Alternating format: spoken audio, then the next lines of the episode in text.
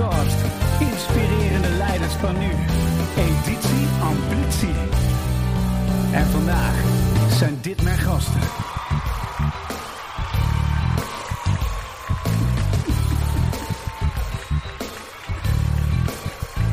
Ah, dit wordt zo'n gezellige uitzending. We hebben nou al zoveel lol. Hey, welkom bij eh Plevier en de inspirerende leiders van nu. En tegenover mij zit Danny Snijders. Danny Snijders. Amy den Broeder. Amy de Broeder. Hey Danny, waar werk je? Bij Snijders Advocaten. Snijders Advocaten. Eigen bureau. Ja. Heel mooi pand. Ik ben erin geweest. Ja. Ja, Kasteeltje Valk. kasteeltje Valk. Dus als je Den Bosch eh, binnenkomt rijden vanuit Vught. Ja. Dan zie je eerst een historisch benzinestationnetje en dan het spookhuis, zoals veel mensen het kennen. En dat is een eh, soort kasteeltje. Is zo'n soort kasteeltje. En dat is heel leuk, want Danny die heb ik een hele tijd lopen volgen op, eh, in artikelen en dat soort dingen. Hij woont dicht bij mij in de buurt, want hij woont in Den Bosch. Dus af en toe kwamen we elkaar eh, wel tegen. Eh, maar ik heb eh, met veel interesse altijd jouw visie, hoe jij in het advocatenlandschap begeeft, gelezen. En eh, ik denk van ja, die moet, ik, die moet ik gewoon vragen. Dat is gewoon hartstikke leuk. Nou, eh, dankjewel. Ja, dus we gaan eens kijken wie jij bent. Eh, Amy, waar werk jij en wat doe je? Ik werk bij BMC, een onderdeel van de Yacht Group. En ik ben eh, verantwoordelijk voor de club eh, die zich bezighoudt met data en dienstverlening. Dus eh, directeur van die mooie, dat mooie onderdeel. Mooi onderdeel, ja. Heel leuk. En wij hadden een heel leuk gesprek in Den Haag in een, mooie soort Turks restaurantje. En dat was ook heel gezellig, hè? dus eh, hadden we al veel inspiratie opgedaan. Dus we gaan een mooie podcast maken. Ik ga jullie voorstellen aan de hand van jullie Guilty Pleasure Songs. En ehm, ja, laten we gewoon bij, eh, bij Danny beginnen. En Danny zijn song was namelijk, dus die heb ik lang niet meer gehoord, Oh, eh The Boxer van Simon Garfunkel. zeker. Voor de, het geval je niet weet welke het is, dat is deze.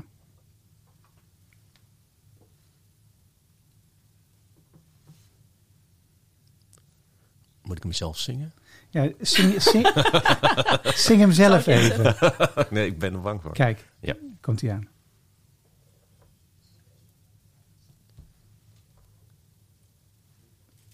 Ja, kijk. Dat dat is, als het live is, hè, dan, eh, dan gebeurt dat. Ik ken een advocaat die jou kan helpen eh, Ja, op dit moment. altijd, dat is altijd goed. Just a poor boy, though my story is seldom told. I squandered my resistance for a pocket full of mumbles, such are promises. All lies and jest, still a man hears what he wants to hear and disregards the rest. When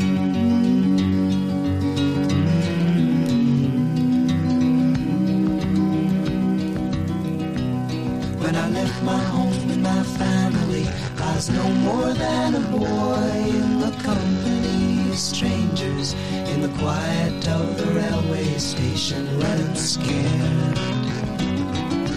Laying low, seeking out the poor. Dat is heel grappig. Als je het nummer nou hoort met koptelefoon, nooit gehoord hè? Nee. Hoor je die Kahoot of die... Ja. Dat hoor je beter.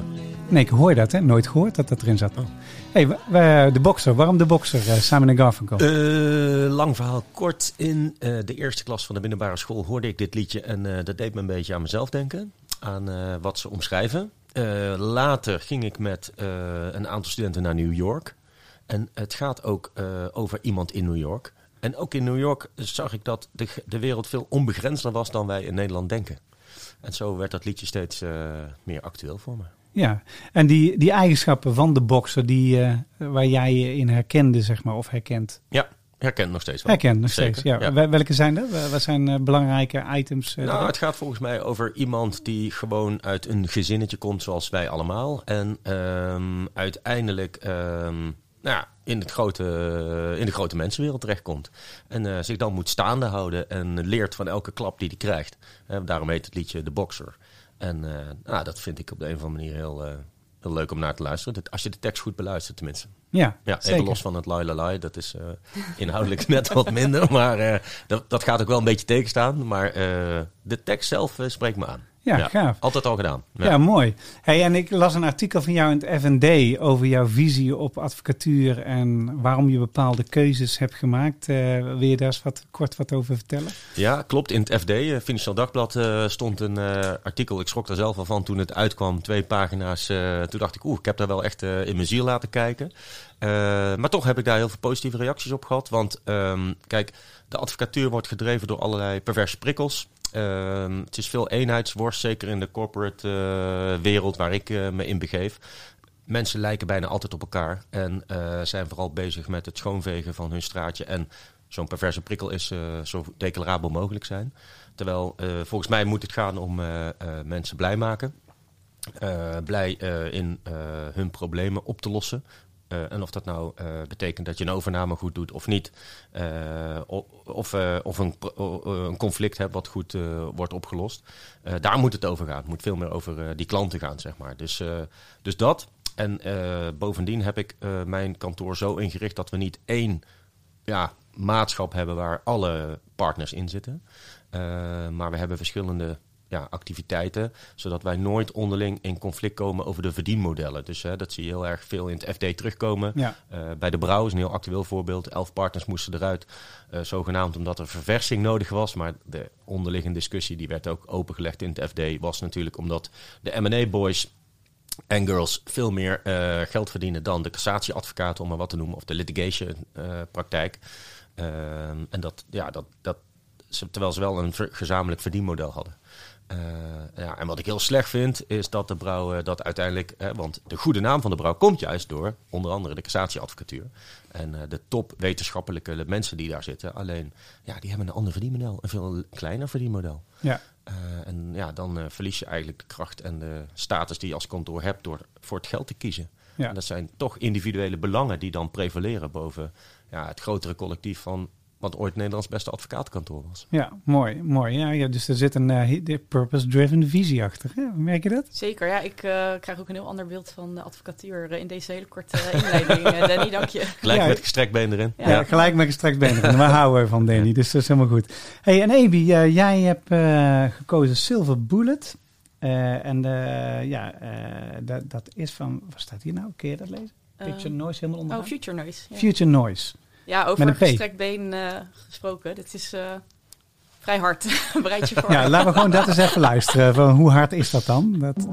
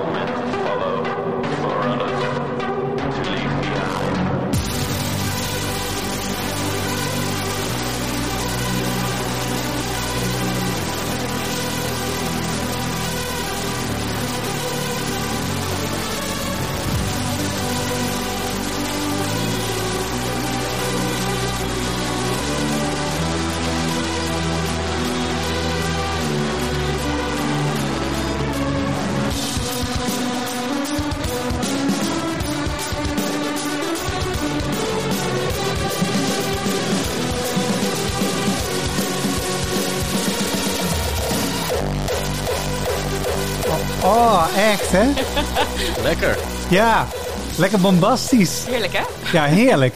En eh, kom jij uit die reeftijd? Zo heet dat eigenlijk? nou, we gaan wel heel erg eh, de persoonlijke kant op als ik eh, hier iets daarover zou vertellen. Nee, ik heb ooit vroeger op een, in een grijs verleden wel eens een opgeschoren kant in mijn haar gehad. Maar dan heb ik het echt over mijn, mijn tienerjaren. Dan moet je omarmen, hè? Zeker weten, ja. don't- Past doesn't niet equal the future, maar the past isn't there without the future. Niet je afkomst en, en vice versa. Nee, ja, nu ga je natuurlijk vragen waarom dit nummer. Ik, eh, je ziet me denk ik ook stralen. Ik, eh, ik, ik ga gelijk aan. Ik was al redelijk voorbereid en aan eh, toen ik erheen ging. Maar dit is voor mij wel eh, een soort van opwarming om eh, vanuit de sport ook, om dan te kunnen presteren. Ja, want Eh, jij, jij hebt een link met de sport, heb jij heel sterk. Ja. hè? Ja, ik heb ooit eh, topsport gedaan, handbal, eh Bundesliga eh, gespeeld en een Nederlands team. Eh, wel ondertussen alweer een jaar of 18 eh, geleden gestopt vanwege blessures. En eh, leeftijd gaat op de duur natuurlijk ook een rol spelen. Ja. Eh, nee, ja, dit nummer is. eh, ik, ik vond het zo'n lastige vraag, dat zeg ik je eerlijk. Simon en Garfunkel had ik ook zo kunnen kiezen. Een stuk klassiek van Canto Ostinato van Simeon ten Holt van 2,5 uur. Daar luister ik ook heel graag naar. Dus het, het hebben ze allemaal gehad hoor. Dus, alles is er voorbij gekomen waarschijnlijk. waarschijnlijk iets van hardstyle, misschien niet, misschien ook wel. Eh, ik ga wel graag naar hardstyle feesten ook. Eh, work hard, play hard is een beetje een afgezaagd begrip, maar dat zit wel in mijn eh vocabulaire, omdat ik ook wel, eh, ja, we werken allemaal op het eh, topsportniveau, zeg maar. Ja. En dan is ontladen daarbij ook heel belangrijk. En eh, door middel van ja, bijvoorbeeld dit soort festivals eh, kan ik heel goed eh, mijn balans behouden, ja. ja, ja, en dat is ook de reden dat ik jullie aan elkaar heb gekoppeld. Want dus, dan gaan we naar de eerste werkvorm. Oké. Oh. Eh, want eh, wij koppelen altijd mensen aan elkaar om een bepaalde reden. En dat was wel een belangrijke reden. Dus welke werkvorm gaan we doen? Deze. De overeenkomstenrace. De overeenkomstenrace. De overeenkomstenrace. Heel simpel. Jullie krijgen drie minuten de tijd, want jullie kennen elkaar niet. Klopt hè? Ja. Eh, om zoveel mogelijk overeenkomsten naar voren te brengen waarvan jullie denken dat jullie dat samen allebei als mens leider hebben. Ja? En er eentje daarvan is work hard, play hard. Hebben jullie allebei. Mhm. Soms een beetje te hard hè? vanuit het verleden. ja, Eh, maar dat is wel een overeenkomst die jullie hebben. Volgens mij. dat denk ik. Denk ik ook wel, ja. Ja, ja. en wat nog meer? Nou ga ik heel flauw doen dat we allebei blonde haren en blauwe ogen hebben, maar Ja, ik denk dat dat niet... zeker, eh, zeker een mooi begin. Ja, Ehm, nou, ik denk wel het, het, eh, de visie op leiderschap. Eh, ik hoor jou ook ehm, vertellen over dat je veel eigenaarschap aan je medewerkers geeft en minder hiërarchisch top-down eh, gestructureerd bent. Nou, Ja. die, eh, die mening deel ik als, als directeur. Mhm. Dus ik denk dat dat een mooie tweede is. Ja, ik vind het heel moeilijk om dat te zeggen, omdat we elkaar inderdaad niet kennen. Maar het klinkt, zeker als je vertelt hoe je het net vertelt met Work Hard, Play Hard. Eh, en de muziekkeuze die je juist hebt gedaan. eh, kom je ook uit een wat eenvoudiger milieu Eh, van oorsprong? Zonder Ik- iemand tekort te willen doen? Nee, ja, ik kom uit een heel rijk milieu, juist Oh. omdat het zo eh, eenvoudig was. Dus mijn Oh, die ouders waren allebei middenstanders, ondernemers. Ja. Ik kom zelf vanuit de schoolbank ben ik naar de MAVO gegaan, altijd Mhm. gecombineerd met topsport. Uiteindelijk eh WO-opleiding gedaan, een eh, PhD gedaan. Mhm. Niet afgerond overigens, maar wel uit een ja, eenvoudig milieu en uiteindelijk wel eh, zelf ook gedisciplineerd en eh, vanuit intrinsieke motivatie mezelf omhoog eh, gewerkt. Dan En laten jij? we dat dan eh, benoemen als eh, eh, ja, gemene delen. Ja. top. Ja. ja, dus eh, blonde haren, blauwe ogen. Work hard, play hard, delegeren leiderschap naar beneden. Hè? Dus het laten groeien van mensen door eh, het leiderschap eh, lager neer te leggen. Zol- Zolang je kan spreken van lager, hoger. Eh, groeien en zelf manifesteren. Daar zit er ook heel erg in. eh, intrinsiek, vanuit intrinsieke motivatie. Want daar hebben jullie allebei ook heel erg. Hè? Ja, zeker, absoluut. Ja. Hoe zit dat? Hoe, hoe, was je eigenlijk jouw, hè, afgezien van wat je net vertelde, jouw intrinsieke motivatie? Wat drijft jou? Ja, dan ga je gelijk naar het diepste van de ziel. Maar eh, ik denk dat ik, ehm, om het plat te slaan, wel heel graag... een of ik ben een people pleaser. En ik denk dat dat komt omdat ik eh, veel bevestiging zoek. Dus ik wil graag mensen blij maken en dat doet iets met mij. Dus ik heb, ehm, zeg maar, externe factoren eh, drijven me extra... Of althans, dat drijft me wel. Ja. Ja, ja, en soms doe je dat letterlijk, hè? want eh, Danny doet ook aan suppen. Ah. Ja, af, af en toe met zijn kinderen zie je, zag ik. Je hebt echt goed opgelet. ja, ja, ja, heel erg leuk. Maar, dat, maar dat, zit, dat zit er ook in. Maar daar zit dat spelen ook een beetje in. Ja, dat is nog een uh, gemene deler, want uh, ik woon op Scheveningen aan de kust, Gaaf. suffen, dat uh, Ja. doen we ook graag. Ja. Leuk. Hey, en dat andere van eh, die houding die hij heeft om naar de buitenwereld te kijken, heb jij dat ook? Of? Um, ik vind het heel mooi trouwens, Danny, dat je gelijk zo'n kwetsbaar uh, Ja, ik ben er maar eerlijk aanneemt. over. Dat is Ja. uh, wel uh, benoemenswaardig. Nou ja, ik, ik ben wel faciliterend in dat ik altijd mijn personeel ook voorop stel. En dat ik uh, liever dan zelf een stapje naar achter zet. En Zei je net ook al. Ja, ik, ik Ja. gaf ook al aan toen ik hiervoor uh, gevraagd werd van ja, je, waarom moet ik hier zitten, zeg maar. Uh, ik ben helemaal niet inspirerend. Mijn team is inspirerend. Mijn mensen die doen het werk. En zo zit je ook meer in, de, in die wedstrijd. Toch werd je aangeraden door iemand die zei van je moet haar interviewen. Zij is heel leuk. Ja, nou ja, dat, dat, dankjewel. Dat, uh, voor Ja, diegene. Dat is toch, dat is toch geestig ja, dan, dat is een mooi compliment. Ja. Ja, dat is een mooi compliment. Nog iets meer? Eh, qua gemene deler. Jeetje. Ja, ja, het kan ook een beetje hè, gevoelsmatig. Hè, waar je denkt van, nou, volgens mij, eh, volgens mij dit. Daarom heet het ook een brainstorm, want je weet het niet, want je kent elkaar niet. Nee. Nee.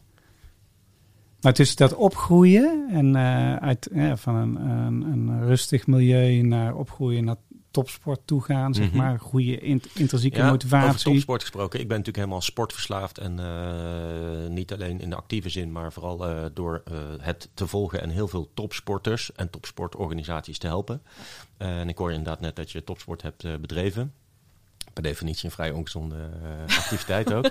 Ehm, dus ik denk dat ook sport en sportiviteit dan iets is wat we allebei eh, Ja, leuk en belangrijk vinden. Ja, is heel leuk, want in de, de- het contact tussen jullie ging heel makkelijk. Hè? Jullie komen binnen, dat was gelijk, merk je dat Ja, ook? Hè? zeker. Had je dat ook? Dat was gelijk makkelijk, hè? Ja. Ja. Dus jullie zijn allebei wel heel laagdrempelig toegankelijk. Ja.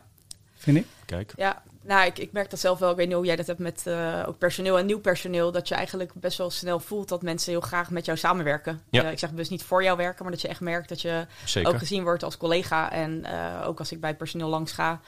Ehm, en ze stellen me voor als jij hier is mijn eh, baas, zeg ik nee, eh, ik ben je collega. En Precies. Hond dat- heeft een baas, zeg ik altijd. Precies, Ja. dat. En, en ik denk dat dat ook eh, iets is als ik jou dit hoor vertellen, dat Ja. we daarin eh Ja. in de lijn zitten. Ja, Absoluut. en wat jullie ook allebei hebben, jullie, eh, jullie kloppen niet op de borst van kijk maar eens wat ik aan het doen ben. Het is gewoon, je ziet het in de daden, zie je, zie je het terug. Ja. Ja. allebei. Ja, ik vind het ook heel storend als mensen heel erg eh, zich op de borst kloppen. Ja. Ehm, en eh, nog even terugpakkend op, eh, inderdaad, eh, ik wil samenwerken met mensen. En ik weet wel dat de wet ooit heeft bepaald dat iemand die in loondienst is een gezagsverhouding heeft. Maar zo wil ik het helemaal niet voelen en ook niet praktiseren. Nee. Dus ik wil dat mensen met wie ik samenwerk, of ze nou wel of niet in loondienst zijn, intrinsiek iets moois willen doen. Voor zichzelf en voor hun relaties. En daardoor indirect voor ons allemaal eh, binnen kantoor. Maar wel ja, op die manier. En niet omdat ze een baas nodig hebben Nee. of wat dan ook. Nee. Maar ik denk dat dat ook heel eh, kortzichtig is. En als je langer termijn eh, kijkt, het is niet duurzaam om mensen opdrachten te geven die ze eigenlijk niet willen doen Nee. van, vanuit zichzelf. Nee, zeker een groep advocaten niet. Weet- werkt behoorlijk averechts, eh, weet Ja. ik, na twintig jaar. Ja. Ja. Ja, ze hebben een onderzoek gedaan bij Harvard over de eigenschappen van servant leadership. Want er was nog één ding wat me ook opvalt aan jullie, is van jullie zijn allebei goed in luisteren. Oké. Oké. Sorry, wat zei je? Ja. nee, Sorry. Te makkelijk. Zo- zo wel- ja, precies. Ja, dat was wel heel erg. Heel makkelijk, sorry. Ja, ja, maar dat mag wel. Je mag dat. Ja, nou, bij mij komt hij wel uit. eh, ik ben heel erg opgeleid door eh, in het commerciële werkveld vanuit eh, sales. Eh, en eigenlijk denk je met sales moet je verkopen, dan moet je vertellen. Maar sales is voornamelijk luisteren. Luisteren, ja, ja. Alleen maar luisteren. En juist als je goed luistert, weet je wat, Vragen stellen. wat de koopvraag eh, wordt. Ja, ja. Ja. ja. En daar hebben ze ook een, ta- daar hebben ze ook een term voor. eh, LSD. Hè, ja, LSD, eh, luisteren. Ja, LSD is ook lekker. Maar dat hoort, dat hoort, bij, dat hoort bij dat nummer van jou. hè. luisteren. luisteren, samenvatten. Laat luisteren samen wat te doorvragen, ja. ja. Nou, maar je hebt, je hebt zoiets, dat noemen ze tra- transac- trans, eh, cross-transactionele empathie. Empathie noemen ze dat, dat je kan voelen wat een ander nodig heeft. Hm. Dat proef ik bij jullie ook. Mm. Je zijn omgevingsbewust. Oké. Dus hadden in dat onderzoek van Harvard, zei ze, een eh, goede leider heeft eh, empathie nodig, luisteren, community building, ook wel een beetje standvastigheid. Eh, niet bij elke trend naar links en rechts bewegen, maar gewoon vasthouden op de lange termijn. Wat is goed voor ons organisatie of team? Hm. Eh, iets van wederkerigheid zit erin, hè? dus eh, voor en door, dat hoor ik jullie ook zeggen. Hm. Eh, vanuit intrinsieke motivatie mobiliserend en vooral ook inspirerend. Weet je wel? En ja, dat inspirerend, daarom zitten ze hier. Ze zijn allebei heel inspirerend, dat vind ik sowieso. Dus hè, we gaan door naar de volgende werkvorm. Mooie eigenschappen, helemaal, eh, helemaal gaaf. We gaan naar deze werkvorm. Spin the box. Spin the box. spel waarbij we inkijk krijgen op de leiders van deze tijd.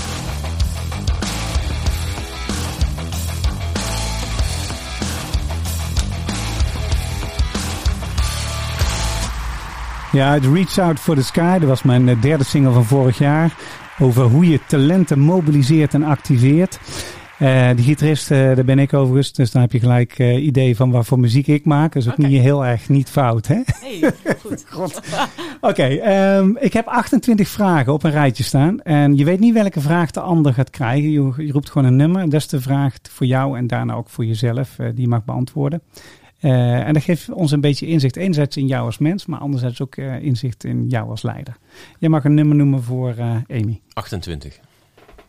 Waarom 28? Dat is de laatste. Oké. Wat is jouw stijl van leiding geven en wat is daar goed en minder goed aan? Ja, ik denk dat ik het al een aantal keer heb laten, laten vallen, maar ehm, toch wel eh, coachend, eh, faciliterend. Ehm, wat het fijne daarin is, is dat het dus uiteindelijk vanuit de medewerker zelf komt. Dat zij ook zelf kunnen kiezen waar ze voor staan en waar ze aan willen werken en welke richting ze op willen.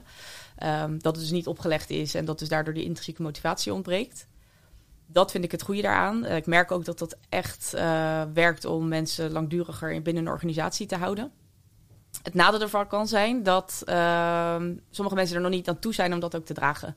En dat je dus ook merkt dat ze heel graag willen, maar dan ook eh, liever wel gestuurd worden. En liever te horen krijgen van ik wil nu van jou horen of ik linksom of rechtsom moet. Ja, Ehm, heel herkenbaar. en dat kun je op zich wel tackelen door een paar juiste vragen te stellen, zodat ze er toch wel zelf achter komen. Ja. Eh, maar je team moet wel volwassen genoeg zijn om dat te, te kunnen doen. Ja, en wa- waar, waar maak je dat uit op of ze eh, volwassen genoeg zijn? Ehm, dat sommige dingen dan ook niet gedaan worden. Dan Oh ja, die gewoon blijven dan liggen blijven liggen. Ja, omdat het dan toch te spannend is om eh, wel dat te gaan doen wat ze zelf mogen bedenken te gaan doen. En dan denk je, nou, ik ga maar eerst de dingen doen die ik moet doen, die er liggen, wat heel concreet is. Ehm, dat, dat is het gevaar. Ja, ze zeggen wel eens van als mensen iets niet doen, dan wil of zeggen dat ze onzeker zijn, of ze, ze Ja. hebben gewoon niet de motivatie, dat kan ook. Ja, maar de mensen zonder motivatie, die werken niet eh, bij mij. Ja, Dat, of, eh, of ze, oh, oh, dat is goed dat te weten, ja. Oké, en hoe selecteer je die uit? Ja, dat, dat is natuurlijk een langdurig proces, maar je merkt gewoon dat de mensen met wie je werkt, eh, ik praat dan ook even vanuit BMC, je merkt dat we echt wel een bepaalde selectieprocedure doen. Dat klinkt zo streng en ouderwets, maar je krijgt echt een label of zo van je bent een BMC'er of je bent het niet. En je, hebt, je draagt ook die hele cultuur mee. En je ziet gewoon aan mensen hoe ze gemotiveerd zijn, hoe ze zichzelf ook eh, profileren. Eh, we hebben ook de eh, TA-opleiding, transactionele analyse, die iedereen volgt. Eh, de Einstein gedachtegoed waarvanuit wij werken. Dus je merkt gewoon, het komt echt vanuit mensen zelf. Dus daarom zeg ik ook mensen die geen motivatie hebben voor het werken in de maatschappelijke sector, publiek domein, ja, die, eh, die, zullen het ook niet lang volhouden. Nee. Nee. Ja. Oké, mooi, mooi.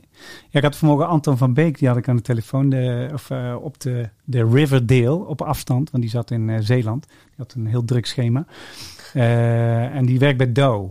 Eh Bas F. Eh 40.000 mensen werken daar. En dus hij de CEO van. Hij zei van wat ik altijd doe in want ik vroeg hem ook van hoe selecteer jij talent? En toen zei hij wat ik altijd ga doen is als eh, voor ik ga ervan uit dat de competenties kloppen. Dat, dus er wordt een voorselectie op Ja. gedaan en dan op een gegeven moment komen ze in mijn team en dan ga ik eh, met de laatste twee drie kandidaten ga ik een wandeling maken en dan ga ik ze allemaal vragen stellen over hun mens zijn en over hun opvoeding en hoe ze met dilemma's omgaan. En dan, hij zegt, dan proef ik snel genoeg of, of ze het juiste, de juiste drive en de juiste capaciteit, de DNA hebben, Ja, zeg maar. cultuur, hè? Want hij zocht een missiematch, zocht hij dan. Ja.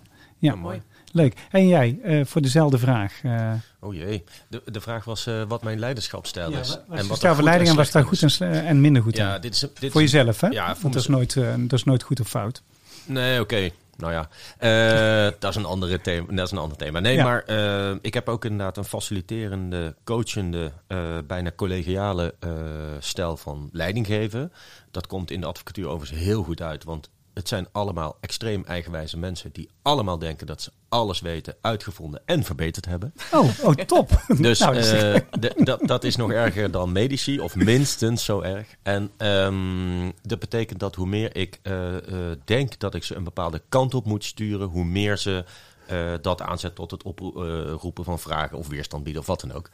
Want per saldo zijn de meeste advocaten, ik denk wel 90% of meer, sterk eigen gestuurde, eigen gereide mensen die niet voor niets advocaat zijn geworden. Want het zijn over het algemeen sterke figuren die voor of naast iemand eh, gaan staan. Ja. Eh, of letterlijk achter iemand. Eh, Ze schuwen het debat en de argumentatie Nee. niet. en ik selecteer juist ook op mensen die. Ik heb liever advocaten die voor iemand gaan staan. dan naast of achter iemand gaan staan. Dat, Ja. dat past bij ons. Ja. Dus, en bij ons bedoel ik dus cultuur binnen de organisatie. maar ook bij onze relaties. Die vinden dat fijn. Ik vind het zelf ook fijn. Het is natuurlijk een organisatie die ik van nul af aan heb opgebouwd. Dus ja, sterk door mijn eigen cultuurtje gedragen. Eh, dus dat, wat er minder goed aan is, en daar kom ik een beetje op hetzelfde eh, als wat Amy zei, is dat ik het eh, soms lastig vind te proeven. ehm, heeft iemand nou een zetje nodig of ondersteuning nodig? Of, hè, want ik wil juist dat het uit hen komt. En daarom vind ik het zo herkenbaar in wat je zegt. Vaak als ze jong zijn of ze doen iets op een rechtsgebied wat ze niet helemaal eh, ligt of wat dan ook. Ja, dan, dan, dan stopt het een beetje en dan denk ik, ja, doe nou. Eh, maar ja, dan is het eh, vaak een signaal dat ik denk, ah, die moet even er, ergens doorheen of zo. Maar omdat ik niet hiërarchisch ben, wil ik het ook niet gaan opleggen. Dus dat is wel een thema wat ik kan versterken. Dus wat nog niet zo goed is, vind ik. Ja, wat vaak helpt is eh polsen of ze de kennis en de kunde hebben. Ja, Dat helpt. Als ze de kennis en kunde hebben, dan weet je in ieder geval dat, dat dat is in ze de kan. beweging in Ja. principe kunnen maken. Mhm. En als ze het eh, zeggen dat ze het belangrijk vinden, maar ze doen het niet, dan moet je pilotjes la- oplaten. Dus dan helpt het om iemand gewoon een klein soort, soortgelijk taakje te geven, maar iets kleiner, niet gelijk de hele hoop. Oh, Maar gewoon een klein taakje en dan ga je gewoon kijken, doen ze het nou wel of niet? Oh, Ah, eh. Want is het een vertrouwenskwestie of is het gewoon omdat ze het zou kunnen, dat ze het niet leuk vinden Leuk, ja. en niet durven te zeggen. Ja. Hè? Dat kan. Maar ook, ja, dat klinkt ook wat ouderwets, maar toch merk ik dat ehm, zelfs in mijn organisatie er mensen zijn die echt soms een zetje nodig hebben. Ja, Terwijl ze intrinsiek wel gemotiveerd zijn, maar ja, op de een of andere manier vinden ze dat lekker. Dat, eh, Ja. Ze willen wat kaders, eh, Ja. ja. meer dan mijn eigen behoeften. Dus dat heb ik wel leren herkennen in de loop der eh, jaren. Ja, bij, bij als mensen ehm, een zetje nodig hebben. Dus ze zeggen altijd van ehm, als je geloof hebt in jezelf of geloof in een ander. Ja. eh, en geloofwaardigheid heeft te maken met vertrouwen. Zijn er altijd vier dingen aanwezig. Je hebt, je hebt een positieve intentie en je laat stapjes zien die die kant op bewegen. Dat helpt. Mhm. Eh, je bent integer in afspraken nakomen. Als je zegt, ik doe het, dan Ja. doe je het ook. En als je zegt, je luister Danny, je wil dat van mij, maar ik doe dat niet, want Mhm. ik wil het niet. Weet je wel, Mhm. dan ben je in ieder geval duidelijk ten aanzien van de afspraak, zeg maar. Maar dat doen mensen vaak niet. Eh, omdat ze toch een beetje ja, eh, goede collega willen zijn. Ja, en, een beetje pleasen. eh, Een beetje pleasen. En misschien ook dat ze zich niet eh, eh, willen laten zien dat ze het eigenlijk niet kunnen of niet leuk vinden. Want Ja. dat zou mogelijk een impact kunnen hebben op de relatie, weet je wel. Dus zo denken mensen. En dan is de derde is eh, kennis, talent. Wordt dat op de juiste manier ingezet en op de juiste timing, zeg maar. Timing je talent op de goede manier. Dat is bij sport natuurlijk helemaal Ja. belangrijk. En het is uiteindelijk de proof is in the pudding. Kan iemand ook, re- had iemand ook resultaat? Dus ja, je kan van alles roepen, maar als je geen resultaat had, is het gewoon niet waar. Hm. Weet je, ik zeg altijd, als het werkt is het waar. Als het niet werkt is het niet waar, nog niet waar of niet langer waar. Ja. Ja. Andere uitkomsten zijn er niet. Ja, Ja, ik ja, de- vind in- het vaak ook heel, eh, sorry, ehm, het is heel simpel, maar je bent vaak al een hele goede medewerker of een goed persoon als je gewoon doet wat je zegt en zegt wat je doet. Ja. Of je het nou wel of niet wil of kan, als je het gewoon benoemt en het ook nakomt, dan is dat is basis in de van vertrouwen. basis is dat al. Die zin is bij ons ook extreem Ja. vaak eh, gezegd. En eh, om in taak op wat jij zei, eh, niet lullen maar poetsen. Dus de proof is in the pudding. Dat zit een beetje in elkaars verlengde. Ja. Eh, want ja, ze kunnen goed lullen, advocaten. Maar eh, laat het maar zien. Leveren. Laat maar zien, ja, goeie. hey, mag een nummer noemen? Ehm, één. Helemaal de andere kant. Wat, wat, is de, wat is jouw belangrijkste les die je hebt geleerd van een coach, mentor, vriend? eh, iemand die je echt iets heeft Ja. bijgebracht? De Nou. belangrijkste les. De allerbelangrijkste les, die weet ik namelijk eh, meteen. En die is ook heel actueel, want eh, Jan Schouten, eh, de oprichter van Schouten en Nelissen, samen met iemand anders heeft Jan Schouten dat fantastische instituut opgericht. Daarmee heb ik samen een aantal bestuursrollen gehad eh, in het sportveld. Eh, maar vooral heb ik veel met hem gesproken in een tijd dat ik ehm, ja, ook een beetje aan het in transitie was zelf. En ik weet niet hoe we erop kwamen, maar de belangrijkste les die hij me heeft geleerd en die me tot op de dag van vandaag helpt, is dat hij zei: Het maakt eigenlijk niet zo heel veel uit wat voor gedrag je vertoont. Want een derde van de mensen vindt jou fantastisch. Een derde van de mensen doesn't give a shit. En een derde van de mensen vindt jou stom of eh, vindt je niet leuk of wat dan ook. Hij zei ja, als je dat binnen normale kaders houdt, hè, dus eh, natuurlijk zitten daar ook weer grenzen aan gedrag. eh, maar als je wat extraverter bent, dan is die verhouding altijd hetzelfde. Dus het maakt niet zoveel uit. En de onderliggende boodschap van hem was, dat zei hij ook, ben maar gewoon jezelf. Want een derde van de mensen vindt jou leuk, wat je ook doet. Dus. En eh, toen dacht ik, oh dat is fijn. Dan kan je echt alleen maar jezelf zijn. En dan is het altijd even goed. Ik vind het mooi. Ja, heel Ja. mooi. Hij doet me een beetje denken. Ik heb ooit een keer zo'n spreker uit Saudi-Arabië zien spreken. En die had echt een fantastisch verhaal over hoe je teams kon smeden en organisaties in beweging kon krijgen. En toen liep ik in de pauze liep ik, eh, in die hal rond, waar al die mensen stonden. Want er was dan zo'n break-up tussen hem en de volgende spreker. En eh, nou, er stonden mensen grappen te maken. En een stukje verder waren mensen serieus erover aan het praten. En een stukje verder zeiden mensen, ik vind helemaal niks. Ja. En, en, en al die dingen die je nou noemde, die waren in die, in die ruimte aanwezig. Vond ik zo verbazingwekkend, want ik vond het zelf eh supergoed verhaal. En toen ging ik naar die man toe. Ik zeg van, joh, ik zeg, eh, dat is wel apart. Ja, ik vind jouw verhaal echt heel aanstekelijk. En toch hoor je in de, in de lobby hoor je allemaal visies. Hij zei, nou, je moet nooit... eh, hij zegt, ik heb ooit van mijn ouders geleerd... dat eh, voordat je de woestijnen loopt, moet je het zand uit je... Uit je ik, nu, eh, die, hoe, ik weet niet hoe die schoenen heten. Sandalen. Sandalen. Ja, ik kon even niet op een woord komen. Uit je sandalen schudden. Dus ik zeg, huh? Ik zeg, je bedoelt voordat je de tent inloopt, moet je de zand uit je... Nee, nee, nee, nee. Hij zegt voordat je de Sahara inloopt. Want na 10 meter begint dat te jeuken. En na 100 meter begint te bloeden. En na 2 kilometer kun je niet meer lopen. Dus waarom zou je met zand in je sandalen de woestijn lopen? Dus je moet je helemaal niet druk maken over wat mensen zeggen. Ah, mooi. oh, dat vind ik Ja. wel mooi. Ja, Ja. ja, Ja. oké. En jij? Ja, ja, Belangrijkste ehm, les van een mentor? Of een coach of een vriend? Ik had er iets meer tijd over eh, om na te denken natuurlijk, omdat je aan het woord was. Eh, en ik ben heel erg op korte termijn aan het terugdenken. Maar eh, ik ga heel ver terug eigenlijk. En dan kijk ik toch weer ehm, naar mijn tijd in het Nederlands team. Had ik ooit een coach, Bert Bauer. Misschien een bekende naam. Meiden met een missie heeft hij toen de tijd ook opgericht. Is ook in Japan ooit nog bondscoach geweest. En allerlei hoge teams in Nederland altijd nog begeleid. En hij zei, eh, toen ik echt net bij de selectie kwam, ik was 15 jaar geloof ik, eh, voor het Nederlandse elftal of Nederlands team, ehm, dat ik moest leren vertragen. Nou, dat is natuurlijk ook weer, hè, dat is nu bijna, eh, we hebben het over 25 jaar geleden, nee, wat zeg ik, 15 jaar geleden. Ehm, Hij was, En hij wat- was de tijd vooruit. nou, wat hij bedoelde was ook als je dus in het spel eh, de bal hebt en je bent maar aan het rondpasen en je zoekt naar een gat, dan komt hij niet. Maar als jij, hij had zo'n bepaalde tactiek en ehm, eh, zicht daarop, dat hij ook zei van hou nou gewoon even in deze actie die bal twee seconden vast. En dan denk je twee seconden is lang. In principe is het heel snel, maar wat er dan voor openingen kwamen Hm. en dat stuk vertragen in, in- nu ook in het werkveld of Mooi. in eh, de dagelijkse dingen die je doet, als je af en toe vertraagt. Ja, dat zit altijd wel in mijn hoofd. Dan krijg je dus wel weer ruimte voor andere dingen. En het is een beetje platgeslagen, want iedereen zegt het wel. Maar als je het echt gaat voelen met een bal of met, ehm, met, met een object of zo, dan zou je echt merken dat het, eh, dat het inzicht gaat geven. Dat is absoluut waar. Ja, doet me een beetje denken aan eh, mijn broer, die is tennisleraar geweest. Eh, we hebben alle, allebei op hoog niveau getennis, zeg maar. En op een gegeven moment belde hij op. Hij zegt van, Wout, ik heb iets heel leuks. We gaan naar een Israëlische prof. En dan gaan we met één en tweetjes tennissen, met profs en semi-prof. En wij waren drie, vier, zeg maar. En ehm, eh, hij is heel leuk, want het is sowieso heel leuk om met die mensen te slaan. Want die slaan drie keer zo hard met veel minder, minder eh, kracht, zeg maar. Maar ook eh, die, die, die coach, die, die schijnt zo goed te zijn dat hij in zeven lessen echt gewoon 35, 40 procent beter maakt. Dus wij, oh, oh, oh, oh, nou, dat, dat wil ik wel.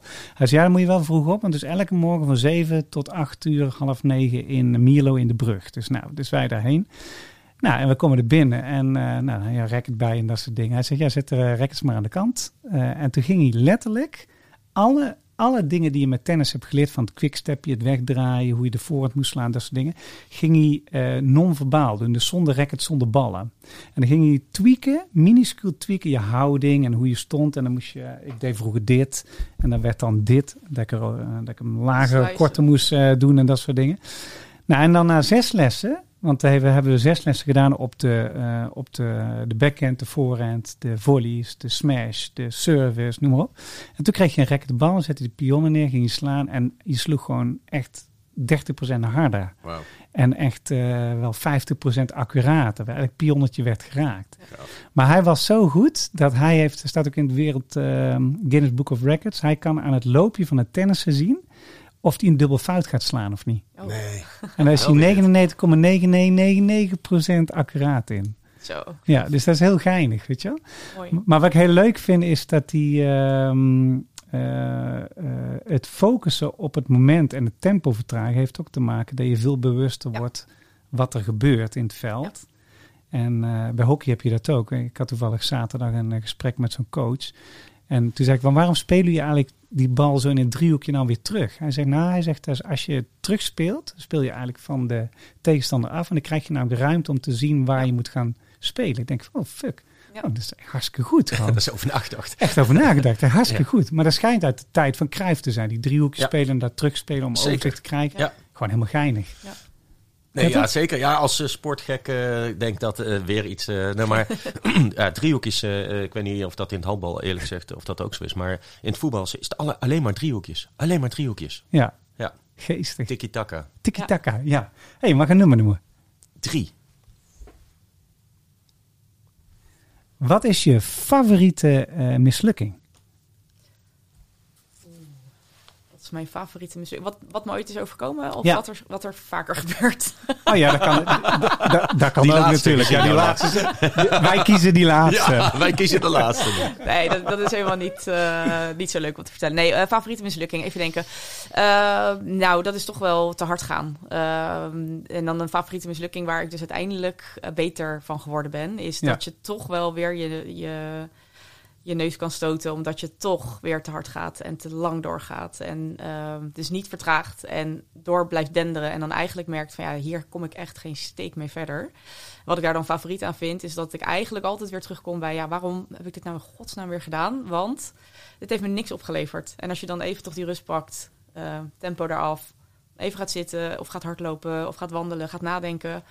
dan ben je daarna ben je weer drie stappen verder. Dus dat vind Ja. ik wel een favoriete mislukking... omdat die me telkens weer verder brengt in dat besef. Alleen nu nog leren dat te laten beklijven. Ja, of van tevoren, blijven. Ja, of van tevoren eh, signaleren dat je het Ja. aan het doen bent. Ja, ja, precies. Ja, en waar is dat toch? Hè? Dat je sommige dingen weet je dat dat niet oké is. Of Ja. dat dat niet altijd even goed En toch blijven we het doen. Hè? Dat Ja, is toch passie. fascinerend. Hè? Ik denk dat het passie is. Ja, Dus, gewoon eh, pure passie. Ja, ja, ja. precies. Ja, ik denk het ook. En jou, Danny?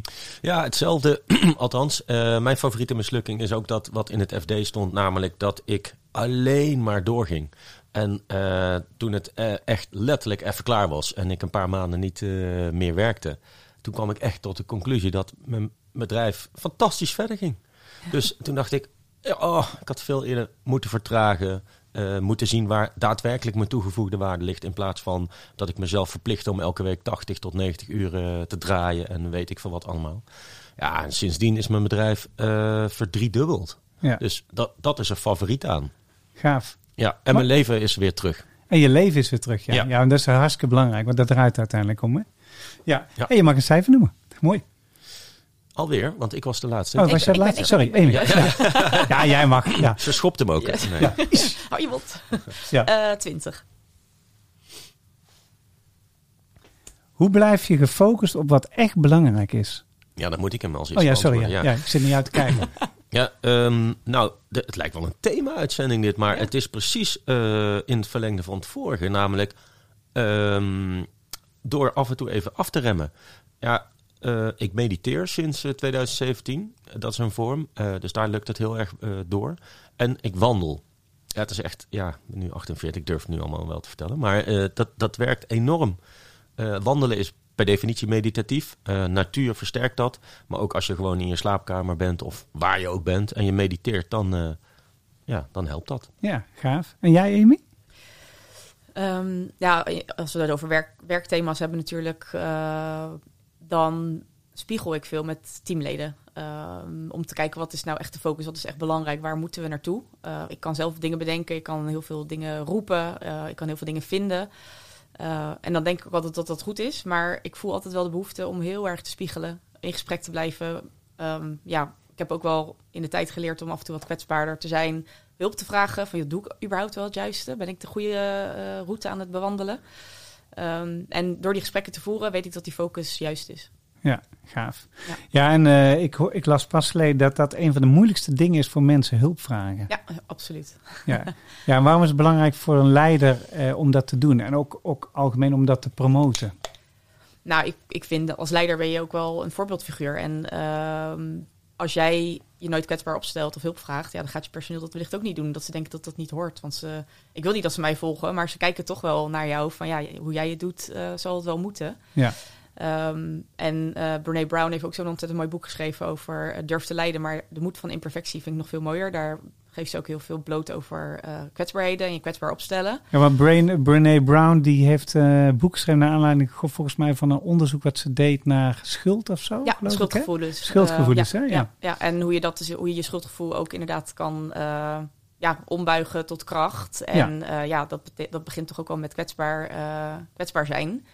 En dat is natuurlijk het allermoeilijkste eigenlijk wat er is als je ja, kwetsbaar bent. Dat, dat, dat voelt heel zwak of zo, of heel slecht. Of ja, hoe kan nou een leider kwetsbaar zijn als jij Ja. het niet weet? Oh jee, waar gaan we naartoe? Maar juist door dat eh, te openen en ook ja, te benoemen, merk je dat het ook juist heel erg veel synergie biedt in, eh, in een team. Ja, ik merkte, ik word heel vaak daarvoor gevraagd, naast dat leiders een eh, thema hebben waar ik voor word gevraagd. Maar de nummer twee is dat ze iemand krijgen waar ze dedicated gewoon 16 uur per dag naartoe kunnen bellen om iets voor te Oh, leggen ja. en even kunnen spiegelen. En dat ze dan weer teruggaan naar de werkpraktijk. Dus schijnbaar is dat nog steeds belangrijk. Ja. Dus dat geloof ik wel. Oké, Danny, laatste. Cijfer. 26.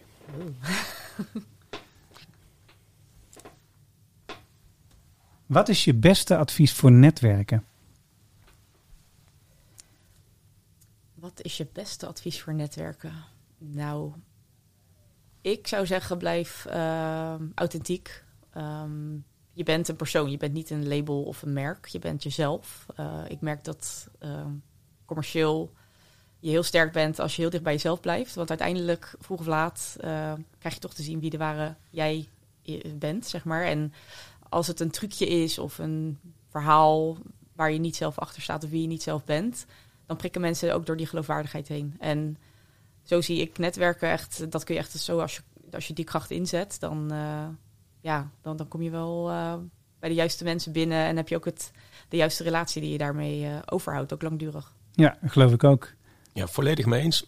Plus, eh, doe iets eh, waar je ook jezelf kan zijn, omdat je het leuk vindt. Ja, Dus eh, heel veel mensen vragen mij van, hoe kan het nou dat je al die eh, netwerken, dat het zo lekker loopt? Ja, ik doe dan iets wat ik leuk vind. Dus ik ga naar sport kijken of ik ga eh, sporten of wat dan ook. En dan ben ik inderdaad gewoon mezelf. En dan eh, ja, merk je dat je in verbinding komt. Ja. ja. Ja. gaaf. We hadden hier eh, op, op verzoek van de eerste groep eh, leiders, eh, die zeiden, kunnen we niet een alumni doen, dat we al die podcastmensen gewoon eens samenbrengen? Ja, dan gaan we dat doen. Dus dan hadden we hier op kantoor van Skills, dan hebben we twee events georganiseerd. Eentje met de Escape Room, daar konden ze ontdekken wat hun leadership skills zijn. Die zit op de eerste verdieping hier namelijk. Hele oude kamer moeten ze uit 1800 zoveel moeten ze uit ontsnappen met allemaal aanwijzingen. En dan komen ze daarna in een hypermoderne kamer met sprekende computers en tablets en zo. En dan is het zo grappig. Die jonge generatie, die lukt het niet om uit die oude kamer te komen. En die oude generatie, die loopt met heel interessant te doen met die, pot, met die iPads en die moeten daaruit. Maar we hadden eh, ook als ander onderdeel hadden we ehm, iets met de voice gedaan. En dan hebben we ze laten zingen. Want mijn partner is eh, eh, Robin van Beek. Dat is de vocalcoach van Dre Hazes en van Rolf Sanchez en dat soort mensen. En daar hebben we een nummer geschreven met CEO's. En de tekst kwam van hun. Dus de hele tekst was geschreven door die CEO's. En daar zat namelijk ook, het heet Ben jij die leider? En dat gaat over, ben jij die authentieke leider die wij volgen... omdat jij zo goed bent voor jezelf en je omgeving. Oh ja, Weet je wel? Dus dat is prachtig. heel mooi. Ja, Ja. dus helemaal thematisch. hey, we gaan dit doen.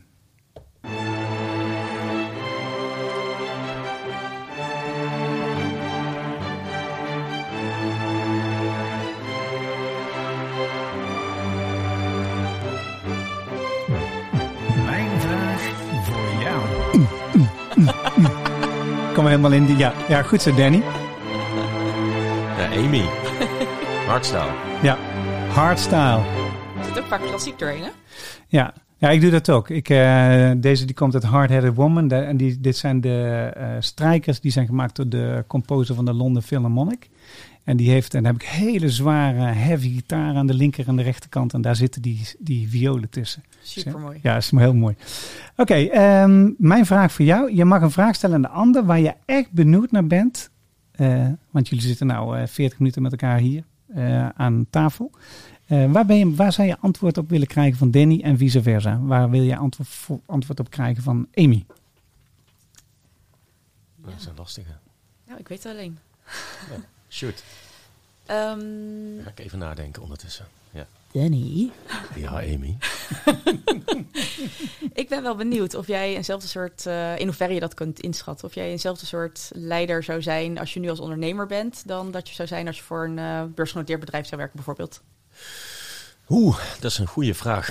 ja, nee, ik denk dat ik me dan eh, een, eh, een beetje eh, als een chameleon zou aanpassen aan wat in een corporate omgeving wordt gevraagd ten opzichte van het zelfstandig ondernemerschap.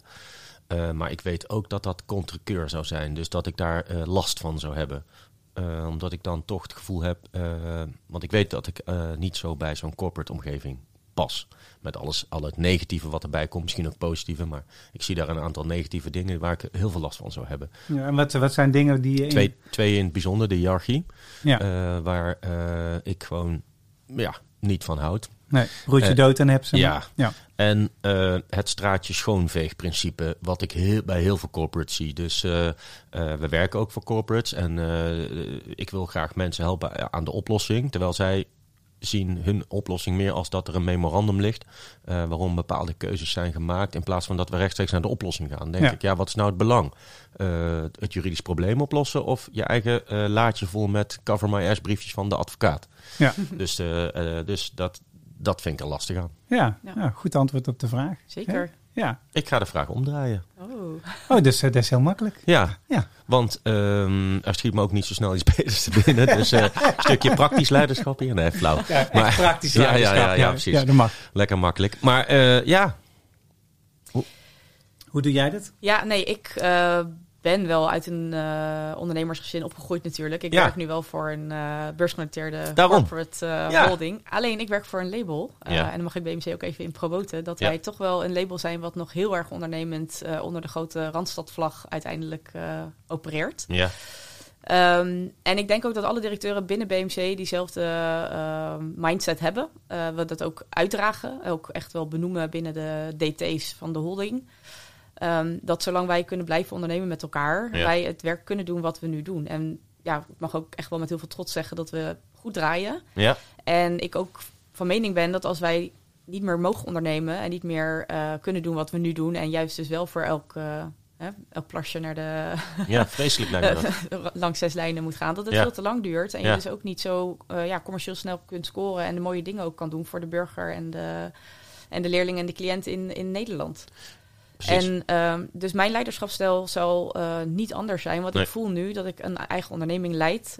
Wel binnen een holding. En natuurlijk, hè, je hebt te Ja. maken met budgetten, je P&L en Excel-lijstjes. Excel-lijstjes. Maar ehm, ik, Je ik wordt daar niet d- constant op aangestuurd. Nee. Je mag echt vrij ondernemen. Zeker. Ja, en zolang dat zo gaat, eh, heb ik het heel erg naar mijn zin. Ja, dat kan heel, ja. Dan, dan zou ik het ook echt leuk vinden. Maar inderdaad. dat anders is inderdaad het ondernemende karakter. Dat als dat helemaal weg is, dan ja, kan ik, ik, ik draag wel jouw eh, visie. En ik denk dat jij, als je, wat jij net zegt, dat, dat je het helemaal het juiste doet door een eigen bedrijf te hebben. Ja.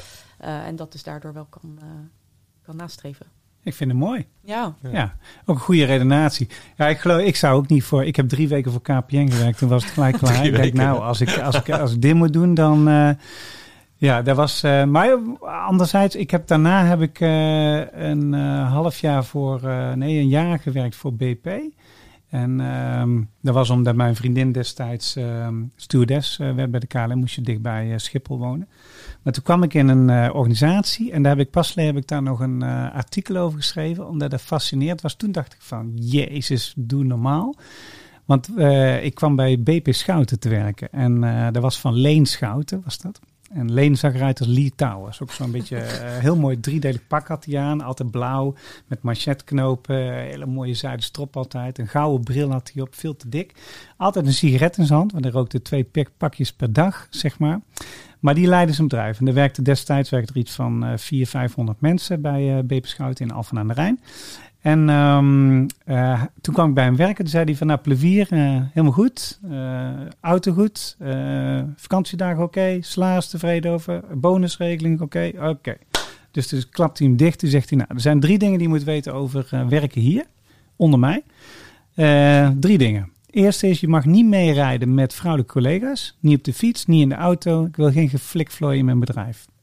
Duidelijk? Duidelijk. Oké. Eh, tweede regel, ik doe een clean desk policy. Dus eh, als je klaar bent met je werk, ruim je bureau netjes op. je bureau is helemaal leeg. Als dat niet zo is, ik loop elke dag langs alle bureaus, heb ik een plastic zak, daar flikker ik alles in en zie je die bouwcontainer daar, daar gooi ik het dan in. Dus wij zagen regelmatig, zagen we mensen in die container eh, klimmen, vaak de nieuwe, en dan stond het hele bedrijf voor het raam te lachen, weet je wel. oh, en dat doe je één keer of twee keer en dan heb je echt je les geleerd. En het derde is, hij zegt eh, op vrijdagmiddag eh, komt iedereen komt terug naar kantoor. En dan gaat om vier uur gaat eh, het werk de computers uit. En dan gaat hier de tap gaat hier open. En Borrelen. borrelhapjes worden gemaakt, dat soort dingen. En dan gaan we met elkaar praten over het leven en dat soort dingen. En toen dacht ik van, jezus, wat een raar ding. En was verplicht. Je mocht niet eerder weg, je moest erbij aanwezig zijn. Dus toen, toen zei ik tegen een vriend, nou wat ik nou toch voor een baas heb, gewoon, weet je wel, dit en nou u, eh, vertellen. Maar ja, al eh 25, 30 jaar later denk ik van, eh, eigenlijk best wel geniaal van hem, weet je wel. Want eh, als jij, die eerste regel was van niet meerijden. Stel je voor, je geeft mensen wat stringentere eh, regels mee van luister, dit doe je niet op kantoor. Bijvoorbeeld niet pesten, Hm. niet Ja. iemand onderuit halen, geen vrouwelijke collega's lastigvallen, geen mannelijke collega's lastigvallen. Je stelt je professioneel vriendelijk op. Weet je nou. Stel je dat had gedaan, wat, wat expliciet, denk ik dat het aantal gevallen van mensen die zich, eh, wat nu zoveel in het nieuws is, dat Ja. dat stukken minder was. Want je had het niet eens in je hoofd.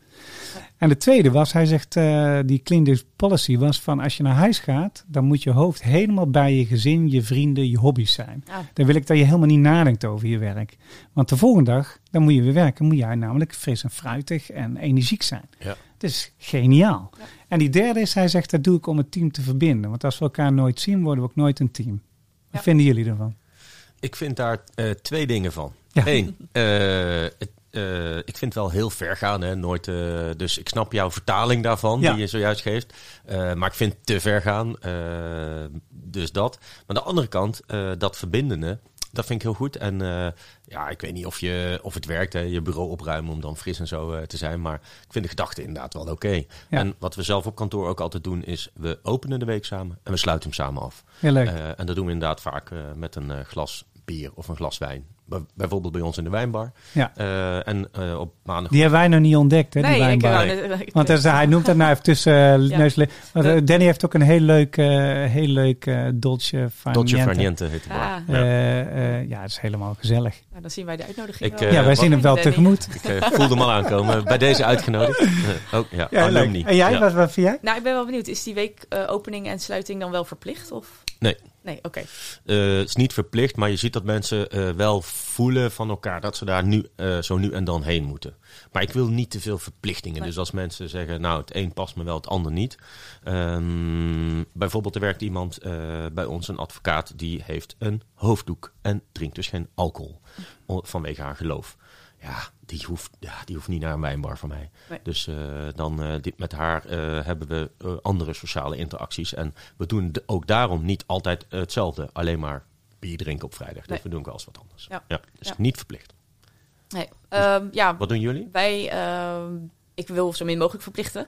Toch vind ik wel dat eh, als dat de enige twee of drie dingetjes zijn en daarnaast eh, geef je alle vrijheid, dan moet je ook wel iets eh, van kaders kunnen, kunnen bieden. En als het echt zit op betrokkenheid en verbinding, hebben wij één keer per kwartaal, maar één keer in de twee maanden, soms vijf keer per jaar, soms vier keer per jaar, ook een dag dat we, of een middag met een interactief deel, een kennisdeel en een borrel aansluitend of een diner.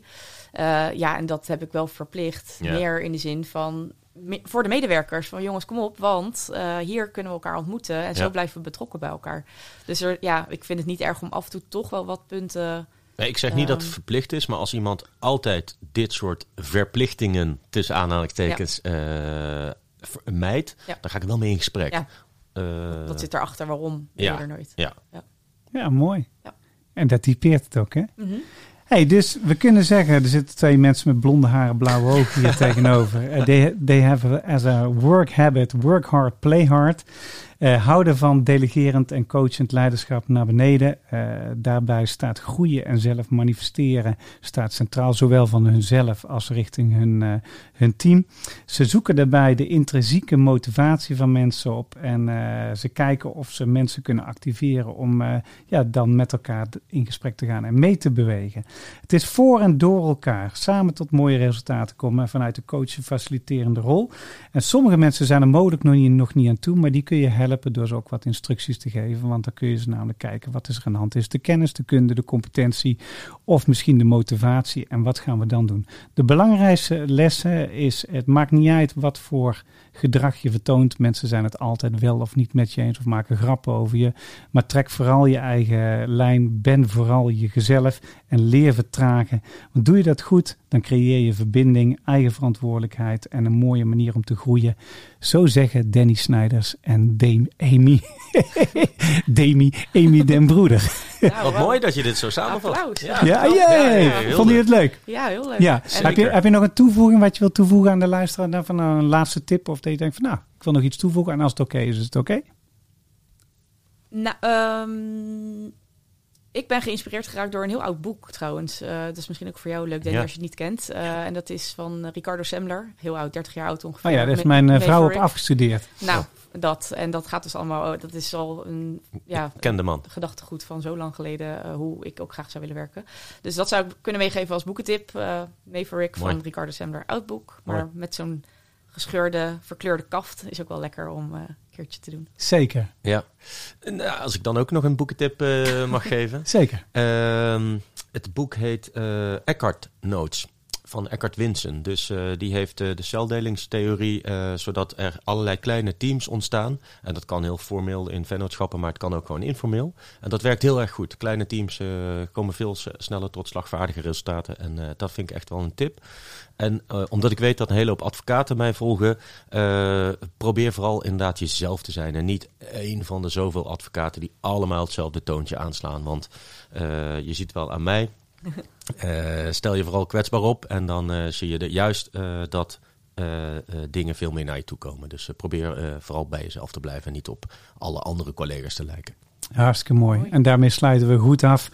Eh, in de volgende uitzending hebben we eh, twee eh, geweldige CEO's van Co van der Horst, een Italiaanse design duo die hele mooie design meubelen faciliteert en inrichtingen maakt voor ook kantoren in de Zuidas. Eh, dus dat is helemaal leuk. Ehm, eh, luister vooral naar die serie en naar deze serie. En eh, stay in tune. Blijf vooral jezelf. Leef je dromen. Werk met bezieling. Benut je nummer 1 talent. En stimuleer het vooral bij anderen. En dan sluiten we af zoals vanouds met de Song for the People.